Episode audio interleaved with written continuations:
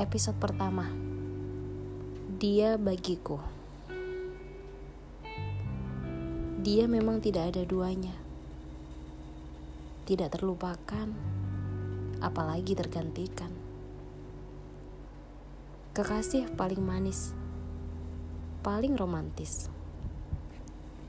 Paling pandai mengasuh masalah yang ada Dengan membiarkanku mengumbar kata-kata Sementara dia juga sibuk menjadi pendengar paling baik. Lalu dia akan bertanya, "Apa kau sudah kehabisan kosakata?" Jika belum, aku masih bersedia mendengarkannya.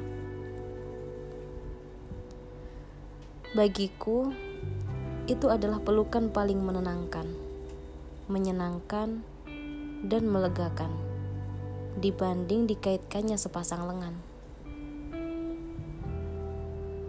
Lalu aku akan dibuatnya menjadi bimbang. Lebih baik aku hentikan atau terus mengutarakan kekesalan. Bahagia dan sedih memang akan selalu tumpang tindih. Selayaknya musim pancaroba. Dia dan aku juga bukanlah perihal paling fasih dalam berkasih atau mahir menolak takdir.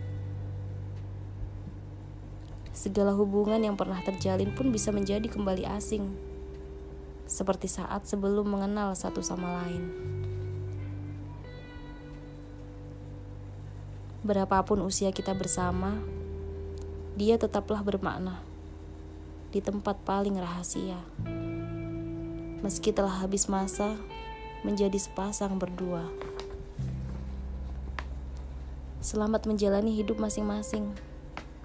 Tapi jangan pernah lupa bahwa kita pernah merupa saling, sekalipun harus berpaling dan menjalin hubungan yang lain.